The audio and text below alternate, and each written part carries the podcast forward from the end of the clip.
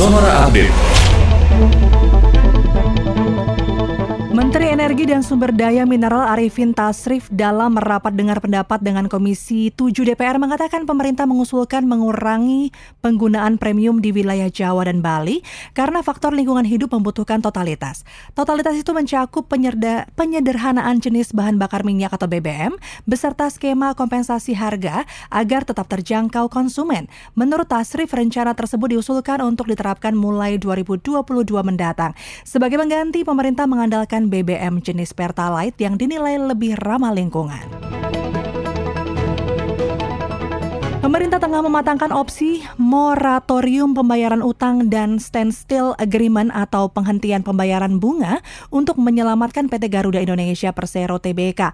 Wakil Menteri Badan Usaha Milik Negara Kartika Wiryo Atmojo mengatakan masalah utama yang dialami Garuda Indonesia memang terjadi sebelum pandemi. Sewa pesawat melebihi biaya yang wajar, jenis pesawatnya terlalu banyak dan rute-rute penerbangannya banyak yang tidak menguntungkan sehingga menyebabkan inefisiensi.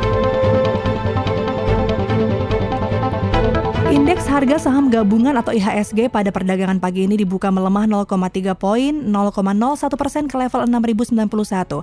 Indeks LQ45 juga turun 0,2 poin, 0,03 persen ke level 918. Sementara itu nilai tukar rupiah terhadap dolar Amerika Serikat kembali ke zona merah pada pembukuan perdagangan pasar spot hari ini setelah melemah tipis 0,04 persen Kamis kemarin.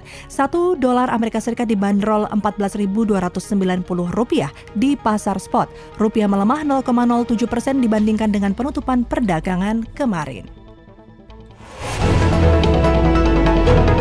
Demikian Sonora Update.